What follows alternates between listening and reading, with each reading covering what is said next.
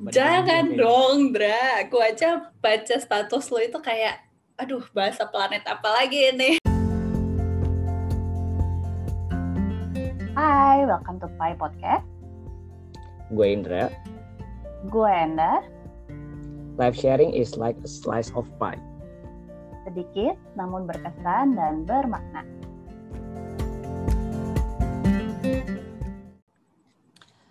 Halo penikmat podcast, kembali lagi. Benar-benar kita kembali ya.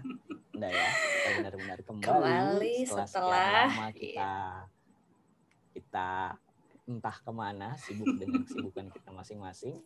Break, Halo para break. penikmat, semoga semoga masih semoga pada kangen gitu ya dengar suara kita ya. Atau mungkin ini apaan sih dua orang ini lagi muncul gitu. Semoga enggak ya. Ya.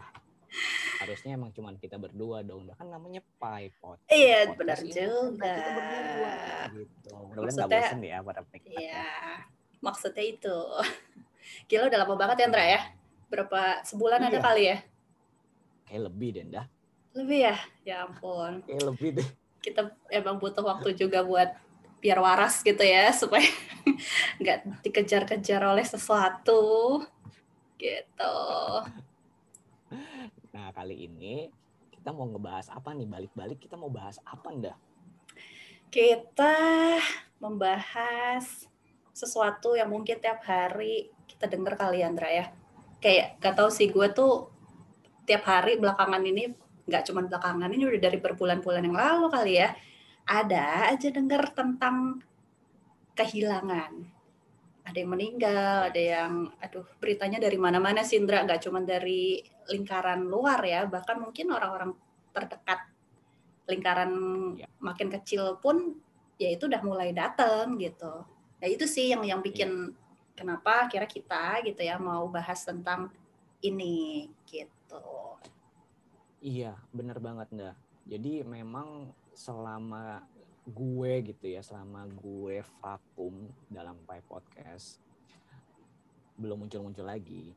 Gue sendiri juga Mhm. ngalamin berbagai macam kehilangan. Gue rasa lu juga ngalamin hal yang sama. Entah itu orang-orang yang mungkin kita kenal, entah itu Mhm. mungkin kehilangan uh, suatu kebiasaan yang dulu bisa kita lakukan sekarang jadi nggak bisa dan berbagai macam hal yang Mhm. kita alami. Nah ini dia momen di mana mungkin kita bisa sharingin nih. Pengalaman-pengalaman kita terkait dengan kehilangan apa aja sih selama yang kita alami sejauh pandemi ini sudah berlangsung. Dan Mhm. mungkin juga bisa jadi related buat teman-teman penikmat yang juga mungkin mengalami hal yang sama. Betul. Karena topik kehilangan ini kan kayak jarang nggak sih Indra dibicarain Indra. Iya. Jadi em, kehilangan ini gue ingat satu eh, istilah ya yang mungkin Mm-mm. gue terakhir eh, share di status WhatsApp gue terkait dengan memento mori. Waduh, iya iya benar-benar benar. Gua sampai lupa akan hal itu. Lihat? Lihat lihat lihat Sempat lihat ya? lihat lihat. kan? Nah, jadi gue sempat dengar gitu ya eh, sharingan orang terkait dengan memento mori. Memento mori itu apa? Mungkin lu lebih lebih lebih lebih bisa menjelaskan dah Jangan gue dong, Dra. Aku aja baca status lo itu kayak aduh bahasa planet apa lagi ini Memento Mori. Tapi gue sempet denger sih, cuman gue nggak gitu paham, Dra. Coba-coba mungkin lo ya Nah. bisa lebih jelasin. Ini gue lebih awam ya terkait dengan is- istilah ini ya, bukan terkait sebenarnya istilah ini sebenarnya Harusnya ada- istri lo tahu yang jelasin. Ada. Iya emang gitu ya. Emang itu istilah-istilah agama tertentu ya. Oh baiklah, baiklah. Nah jadi memento mori yang gue tahu itu adalah eh, ingatlah kematianmu. Hmm. bahasa awamnya ingatlah kematianmu. Nah di di di sharingan yang gue dengar itu kenapa dia sharingnya memento mori jadi dia cerita terkait dengan dulu eh, orang-orang suka eh, buat pajangan dari tengkorak manusia entah itu juga dari eh, tengkorak-tengkorak hal-hal yang lain dari tubuh bagian tubuh manusia tujuannya sebenarnya bukan untuk pajangan aja keren-kerenan gitu tapi Mm. ternyata sebenarnya itu untuk mengingatkan kita bahwa pada akhirnya manusia itu akan mati. Nah, Hmm. kita nggak tahu kapan manusia itu mati, tapi pasti akan mati. Oleh karena itu, anggaplah hari ini adalah hari terakhir yang kita nggak tahu, mungkin aja kita nggak ada. maka itu berbuat baiklah, maka itu maksimalkanlah hari-harimu senantiasa sebaik mungkin seperti kamu akan dalam tanda kutip mati di hari ini itu sih sebenarnya yang gue Mhm, tangkep mhm, mhm. dari memento mori nggak tahu ya, ya mungkin teman-teman yeah. dan lu juga bisa sharingin hal atau nambahin gitu terkait dengan memento mori ini Iya ya, yang gua yang gua tahu juga sebatas itu sih Indra ingatlah akan kematianmu itu. Cuman kayak mungkin di zaman yang sekarang orang lebih aware gitu ya. Tapi kalau zaman dulu sebelum ada pandemi gitu kan orang um, hidupnya kan nggak kayak sekarang ya. Maksudnya lebih lebih ya udah tenggelam aja gitu di dalam eh, dunianya sendiri gitu, entah dengan kerjaan, entah dengan social life-nya juga gitu. Jadi ya itu makanya topik tentang kematian, tentang eh, kehilangan itu kan jarang ya dibicarakan. Iya. Gitu. Tapi ya di sekarang ini lebih gencar aja sih Iya. karena tiap hari Iya. kita dengar. Yes. Nah, em, mungkin kok jadi serem banget ya, Nda, ya kita ngomongin awal-awal kematian. Oke, kita mau ganti, maksudnya kita mau ganti eh, kematian ini menjadi terkait dengan kehilangan dah, biar mungkin lebih enak gitu. Nah, boleh nggak lo sharing mungkin dari pengalaman lo ini, dari selama mungkin kita nggak ketemuan untuk kita rekaman, atau mungkin sebelumnya juga lo pernah ngalamin yang terkait dengan kehilangan apa aja yang lo pernah alami selama ini pastinya lo ada satu atau dua dan teman-teman penikmat juga pasti related terkait dengan kehilangan ini. Nah, boleh nggak lu sharing nggak? Mhm. Kehilangan ya. Iya, yang paling apa ya berkesan sih berkesan. Sebenarnya yang namanya kehilangan nggak nggak nggak mudah pasti ya buat semua orang gitu. Cuman ya itu Ndra pas kehilangan bokap gua sih sebenarnya tahun lalu sebelum pandemi kayak bokap gua dipanggil gitu ya. Cuman ya ini memang memang apa istilahnya walaupun udah di prepare tahu memang sakit gitu ya. Cuman tetap aja sih meninggalkan rasa dan bekas yang lumayan ternyata gitu. Nah gua gua enggak gitu dekat secara personal sih sebenarnya sama bokap gua waktu masih hidup gitu ya. Ya ya ya relasinya sebatas itu aja lah gitu. Maksudnya nggak nggak yang sampai cerita ini itu gitu sama bokap gue nggak sampai segitunya.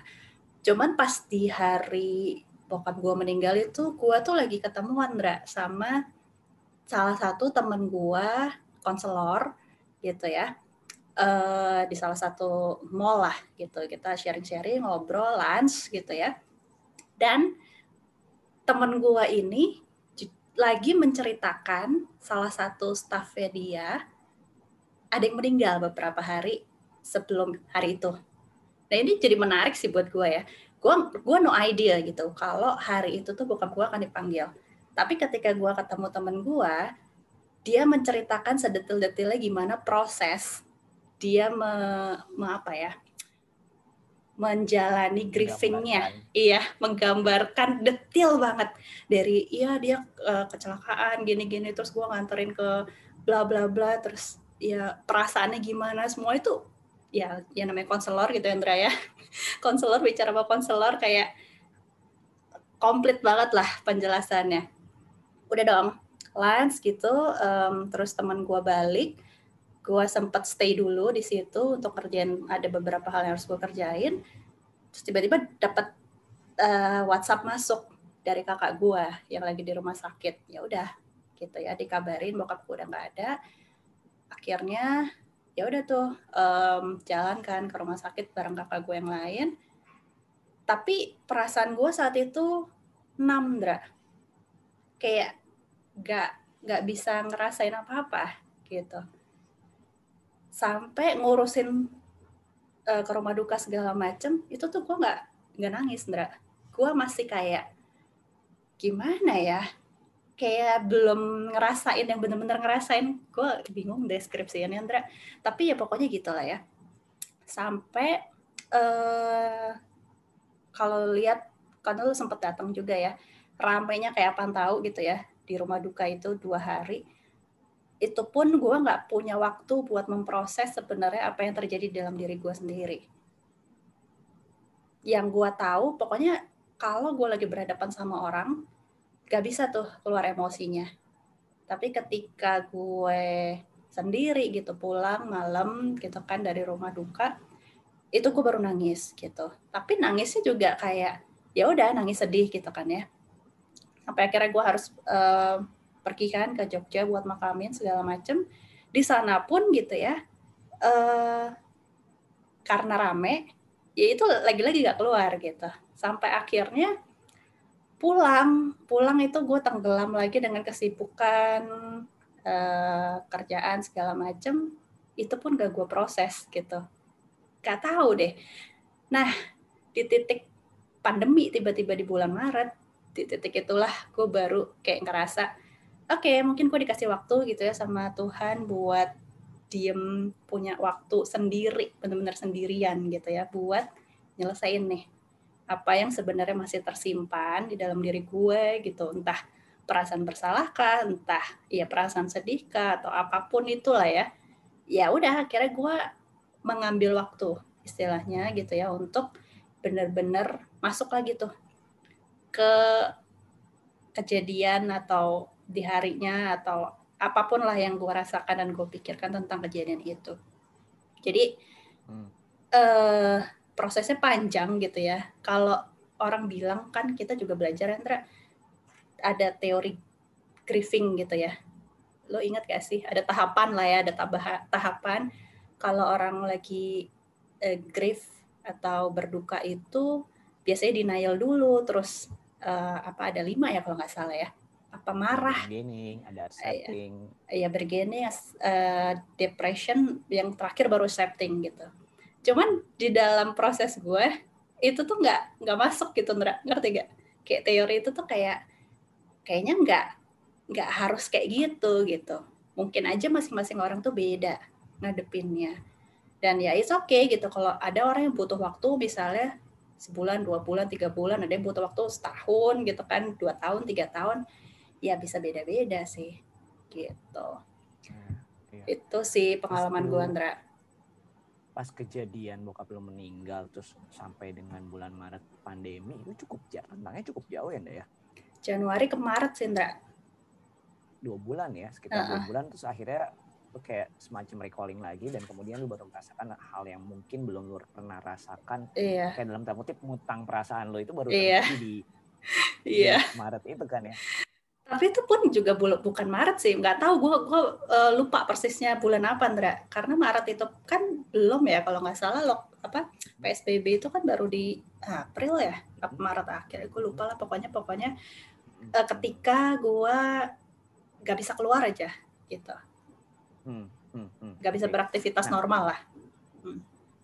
oke. Okay. nah ini poin yang penting yang lu sampaikan. Ketika lu nggak bisa beraktivitas normal apakah memang karena kondisi pandemi ini jadi akhirnya membuat kita dalam tanda kutip pikiran kita ke mana-mana gitu ya anda ya? Akhirnya kita uh, seperti yang tadi lu bilang atau memang lu uh, merasakan bahwa ini momen yang pas di mana lu harus menyelesaikan grieving lu? Atau memang ada faktor itu yang tadi gue bilang itu enggak uh, konteks pandemi yang akhirnya membuat kita pikirannya yang ke mana-mana gitu karena di titik-titik tertentu gue kayak masih kepikiran gitu loh Ndra. Muncul pikiran gitu. Tapi mungkin selama ini gue mengesampingkan itu dengan kegiatan-kegiatan gue kalau lagi normal ya bukan pandemi ya. Okay. cuman ketika pandemi itu kan uh, makin banyak nih waktu luangnya. Karena ya banyak uh, kerjaan juga yang makin menurun segala macam. Jadi gue ngerasa ada sesuatu yang belum beres nih di dalam diri gue yang harus gue beresin hmm. gitu jadi hmm. hmm. ya gue text time sih buat apalagi ya ketika uh, di pandemi ini kan gue juga lagi apa ambil banyak course gitu ya gratis uh, kuliah gitu kan nah uh, ada satu course itu yang memang nyuruh kita praktek misalnya meditasi segala macam nah ketika itu pun kadang ngeling pikirannya tuh ke sana gitu Ndra. Jadi kayak ya mau nggak mau gitu. Kayaknya ada sesuatu yang belum beres dari dalam diri gue pada akhirnya gue berpikir seperti itu. Dan memang gue meng mengerjakan itu gitu. Gue kayak nulis surat gitu ya ke bokap gue ya udah gue ngomong apa pun yang ada di pikiran dan perasaan gue ya udah gue tuangin aja gitu sampai Hmm. semuanya benar-benar keluar gitu. Oke, oke. Nah, apa yang lo ngelihat dari diri lo gitu Nda ya? gue pengen gue pengen dengar dari lo juga dan gue juga pengen lo sharing ke teman-teman penikmat juga soal ini.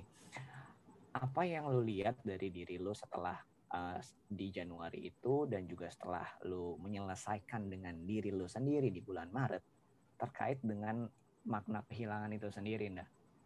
Lo ngelihat kehilangan uh, ya pastinya bokap lu itu orang yang berarti pastinya buat lo. Even lu bilang bahwa lu nggak gitu dekat dengan beliau, Mm, tapi mm, pastinya siapa sih nggak gitu nggak nggak melihat ayah sebagai seseorang yang berarti itu nggak mungkin. Hmm, Oke. hmm, hmm, Even lu nggak gitu deket pasti dia tetap lo nggak bisa pungkiri dia tuh bokap lu, dia tuh ayah hmm, Nah, hmm, ketika hmm, bokap lu meninggal dan lu lu jalanin itu di bulan Januari, kemudian akhirnya lu, lu rilis juga terkait dengan mungkin uh, diri lu sendiri ada hambatan-hambatan yang udah selesaikan gitu ya. Nah, terus lu ngelihat kehilangan bokap lu itu sebagai suatu hal yang seperti apa sih enggak? hmm.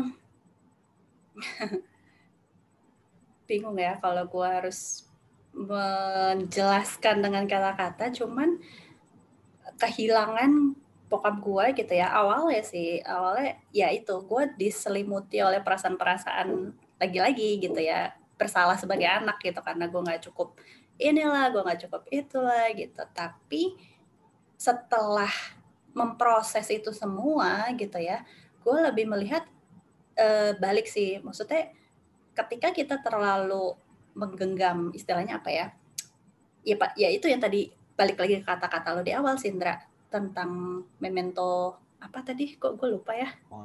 Mori, maaf ya memento mori itu gitu ya pada akhirnya seorang akan meninggal gitu. Nah hmm, kehilangannya ya akhirnya kita harus merelakan sih bukan mere- mengikhlaskan gitu ya bahwa pada akhirnya diri kita pun sendiri ya nggak akan hidup selamanya. Gitu. Hmm, hmm, hmm. Oke, oke, oke. Kenapa sih gue pengen tahu itu karena ya gantian gue akan cerita Mm, mm, mm, dengan gimana, gue rasakan kehilangan kehilangan makna kehilangan yang gue rasain dalam belakangan ini. Nah Mhm. ketika kita discuss soal topik ini, gue kepikiran tiga kejadian hidup gue yang related dengan kehilangan. Mhm. Oke, dari yang gue gue sebutin dulu, nanti baru gue ceritain. Yang pertama adalah kehilangan uh, privilege gue terkait dengan barang yang biasanya gue gunain, terus tiba-tiba hilang. Hmm. Oke, itu yang satu. Yang kedua adalah gue dikasih kesempatan untuk merasakan kehilangan orang, tapi nggak jadi. Oke. Oke, yang ketiga adalah gue kehilangan nyokap gue. Oke, gue ceritain dulu yang pertama. Di masa pandemi ini, stay at home ya, teman-teman dan juga lo ndak ya stay at home. Nah, tiba-tiba hujan besar terjadi. Ini sekitar dua bulan yang lalu ya, dua bulan yang lalu deh, dua bulan yang lalu gitu ya hujan besar terjadi. Terus tiba-tiba geledek menyambar antena gua, ceder. gitu ya, kayak Terus? bikin dongeng. Antena nyambar antena gua. Terus apa yang terjadi? Tiba-tiba gue mencium bau angus. Terus gue gue mencari-cari bau angus kok nggak ada, nggak ada, nggak ada. Oke, karena memang di rumah gue ada anak kecil, jadi kan TV semua mati ya. Jadi Mhm. kita nggak tahu ada apa, ada apa yang terjadi dan bau angus dari mana kah itu. Oke. Mhm. Nah kemudian biasanya gue sore gue pengen buka TV, ya, gue pengen buka TV. Kok gue nggak bisa buka TV ya? Terus receiver parabola gue kok nggak nyala? TV gue nggak Hmm. nyala. Mhm. Jadi di, jadi setiap jadi uh, kita pakai parabola, jadi setiap uh, TV kita pakai receiver. Jadi ada tiga TV, tiga receiver. Dan kemudian yang gue nyalain adalah TV kamar gue. Nah Mhm. TV kamar gue nggak mau nyala. Jadi uh, uh, ini lampu indikatornya berubah kalau kita standby kan merah kan, merah kan. Terus kita pencet jadi hijau kan. Mhm. Hijau tapi layarnya nggak mau nggak mau nyala, receivernya nggak mau nyala. Oke, terus gue deg-degan. Kayaknya kayak bau asap itu kayak gara-gara kesambut petir deh. Terus gue cek ke dua TV yang lain. Dua TV yang lain TV-nya masih oke. Receivernya rusak. Jadi completely bener kesamber petir. Terus gue mikir kok bisa? Kalau kesamber petir? Rumah gue kan nggak setinggi rumah yang lain. Terus gue kayak Hmm. mendinai gitu kan kayak kenapa harus gue gitu. Di momen Hmm. kayak begini rumah gue kesamber petir terus? Gue cerita ke mertua untung rumah lu gak kebakar. Iya oke masih untung rumah gue gak kebakaran gitu kan. Tapi gue gak bisa nonton. Gue gak bisa nonton men. Lu bayangin gue gak bisa nonton loh. Sampai sekarang gue gak bisa nonton. Oke. Oke. Kenapa gue nggak memutuskan untuk betulin? Karena ada tiga receiver dan tiga ruangan dan parabola. Kalau gue manggil tukang, mau nggak mau tukang harus masuk ke rumah gue dan masuk ke setiap kamar dan gue ada baby dan kita Mhm. takut Mhm. uh, ngelakuin itu. Akhir kita tetap keep dan nahan itu. Apa yang terjadi sama kehidupan gue adalah yang biasa gue jalanin, yang biasa gue punya udah nggak ada. Hmm. Dan sampai ketika itu hilang, se- sebelum sebelum itu hilang gue ngerasa fine fine aja tapi begitu hal simple aja itu hilang kayak gue ada yang hilang di dalam diri gue dan gue belum bisa terima nih gue bisa nonton kan Mhm. gitu itu satu dan kejadian gue yang kedua adalah yang yang gue tadi gue singgung gue dikasih kesempatan untuk merasakan kehilangan orang tapi akhirnya nggak jadi jadi pas di saat jadi teman-teman peringkat nih gue share sedikit nih bocoran sebelum hari ini sebenarnya anda udah ngajakin gue untuk rekaman Iya, eh. Dan, gitu. Yes. Nah, ajakan pertama Enda itu something happens di malam hari. Nah, nenek gue itu ada di Bangka. Kemudian tiba-tiba uh, sepupu gue hubungin gue, bilang kasih tahu uh, bokap gue kalau misalnya uh, nenek gue udah meninggal. Kaget. Bokap Hmm. lagi telepon jadi nggak bisa. Terus gue kasih tahu bokap gue apa yang terjadi sama bokap gue. Bokap gue tuh mentalnya nggak kuat, langsung keringet dingin, terus langsung mau jatuh kayak blackout, terus langsung mual, pengen muntah, and then uh, dia langsung ke WC karena dia dia dia takut muntah dan dia Hmm. lemes harus gua bopong tiba-tiba kayak begitu. Jadi kalau ada kejadian yang traumatis yang cukup menekan buat dia dia pasti akan kayak begitu. Itulah yang gue cukup kecewa dari bokap gua gitu. Hmm. udah kayak begitu eh, terus kepikiran apa? Kepikiran adalah bokap gua harus ke Bangka. Iya dong dengan kondisi seperti ini. Terus gue bilang gue relain aja gimana pun juga lo harus ke Bangka. Gue bilang eh, kalau misalnya kejadian dan segala macam emang kenapa nenek gue nenek gue itu tutup mata eh, dipanggil nggak mau nyaut dipanggil terus menerus nggak mau nyaut nggak mau buka Mhm. mata dan juga nggak ada respon Oke. Hmm. Nah kemudian di sana eh, ada mantri, mantrinya bilang mendingan bawa ke rumah sakit, tapi mendingan ditunggu aja dulu nih, dia bilang kayak gitu. Jadi kondisinya nggak jelas, tapi nggak bisa eh, nggak bisa berespon, nggak bisa komunikasi sama sekali kondisi. Bokap gue udah panik, bingung dan segala macam. Gue bawain teh hangat dan segala macam. Gue takut bokap gue kenapa-napa pas malam hari. Gue bilang mau gue temenin nggak? Dia bilang nggak apa-apa. Ya udah, oke. Terus gue bilang ke Monik istri gue, gue bilang nenek gue meninggal. eh, jadi bokap gue harus ke sana. Oke. Besokannya harinya, nenek gue nggak jadi meninggal.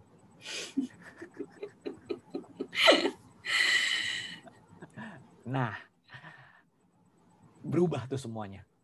Berubah bener-bener di pagi hari dengan dibandingkan dengan malam hari itu nenek gue jadi meninggal. Hmm. Apa yang terjadi sama nenek gue? Asumsi kita ada dua, asumsi supranatural sama asumsi eh, secara ilmiah. Asumsi secara ilmiah adalah dia tidur, dia tidur dan dia tidur sangat nyenyak, maka dia nggak bisa panggil. Karena memang dia pendengarannya juga udah berkurang, jadi dia nggak berespon tidur Mhm. nyenyak. Asumsi supranatural yang dipercaya adalah nenek gue sudah keluar rohnya pada saat itu dan kemudian balik lagi. Oke, baiklah. Ya, kita skip bagian itu. Ini gitu. Oke. Dah. Itu yang kedua. Jadi gue merasakan di saat gue kehilangan tapi akhirnya nggak jadi. Hmm. Nah. Di saat yang ketiga, di momen yang ketiga adalah gue kehilangan nyokap gue.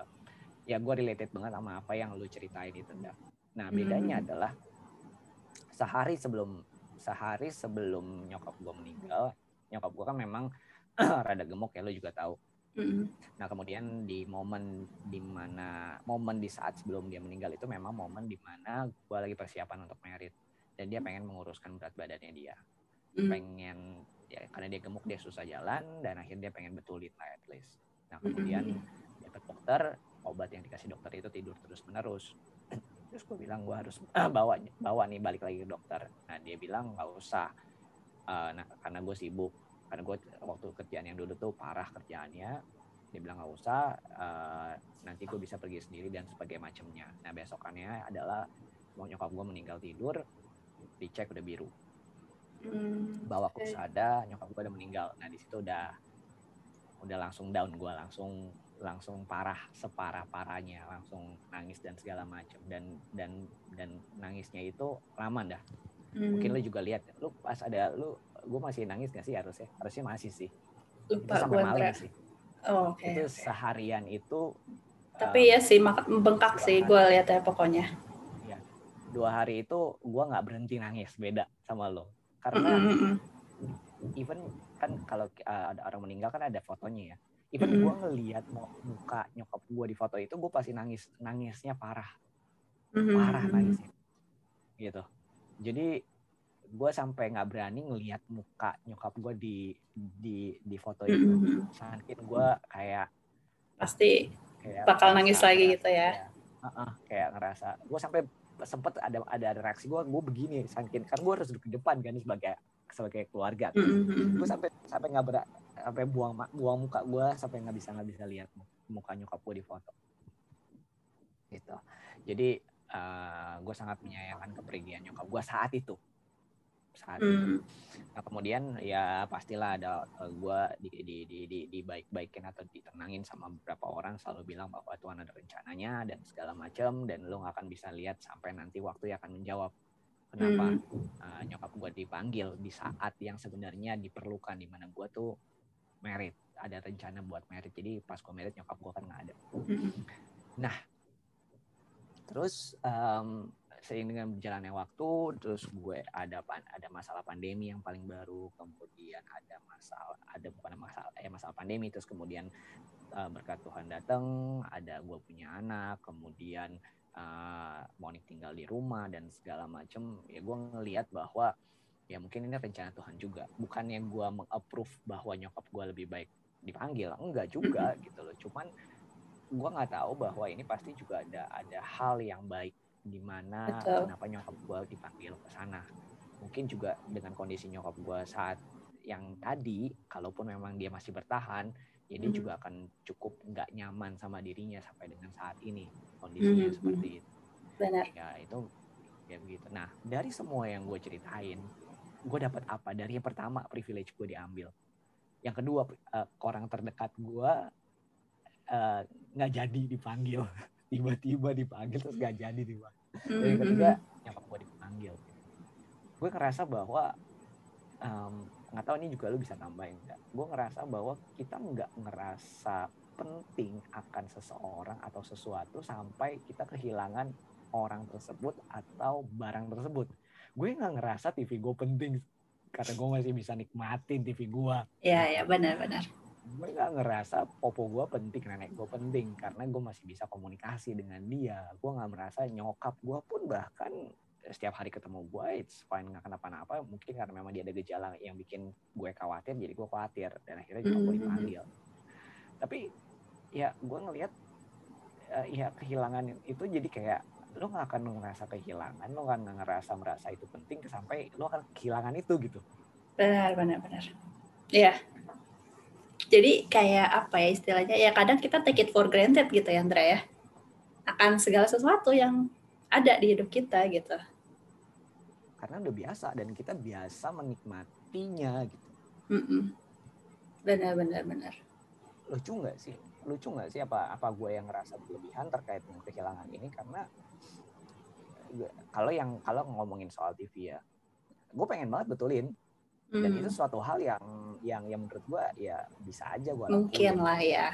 mungkin gitu bisa aja gue lakuin tapi kalau misalnya gue kehilangan orang ya gue nggak bisa ngelak ngebalikin orang untuk balik lagi kan sama-sama. Benar, betul sekali. Benar-benar. Ah, kehilangan. Ya mungkin ya para penikmat juga relate kali ya. Eh, di masa kayak gini pasti setidaknya gitu ya ada aja lah ya orang-orang di sekitar kita yang kehilangan gitu. kita belum ngomong lagi kehilangan pekerjaan dah. Itu Panjang, masif, masif dengan kondisi seperti Iya. ini para penikmat juga pasti punya kerabat atau mungkin ngalamin sendiri terkait dengan penyusutan eh, pendapatan, kemudian bisnisnya juga berkurang, pendapat apa pekerjaannya juga mungkin jadi terganggu dan segala macam gitu. Dan itu jadi suatu hal yang cukup berdampak banget sama kehidupan sehari-hari kita. Benar sih.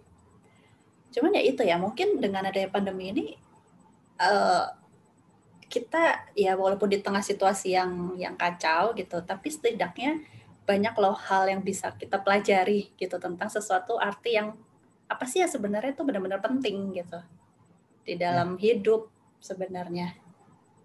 Balik ya, ke situ ya. sih, gila gue sampai berpikir gila ya, kok bisa ya di tengah situasi yang kayak gini tuh kayak kita tuh lagi disuruh diem, lagi disuruh stop dulu lah, berhenti, slow down gitu untuk benar-benar mikirin ulang tentang hidup, mikirin ulang tentang apa yang benar-benar penting di dalam hidup ini, yaitu ya orang-orang terdekat kita mungkin, gitu.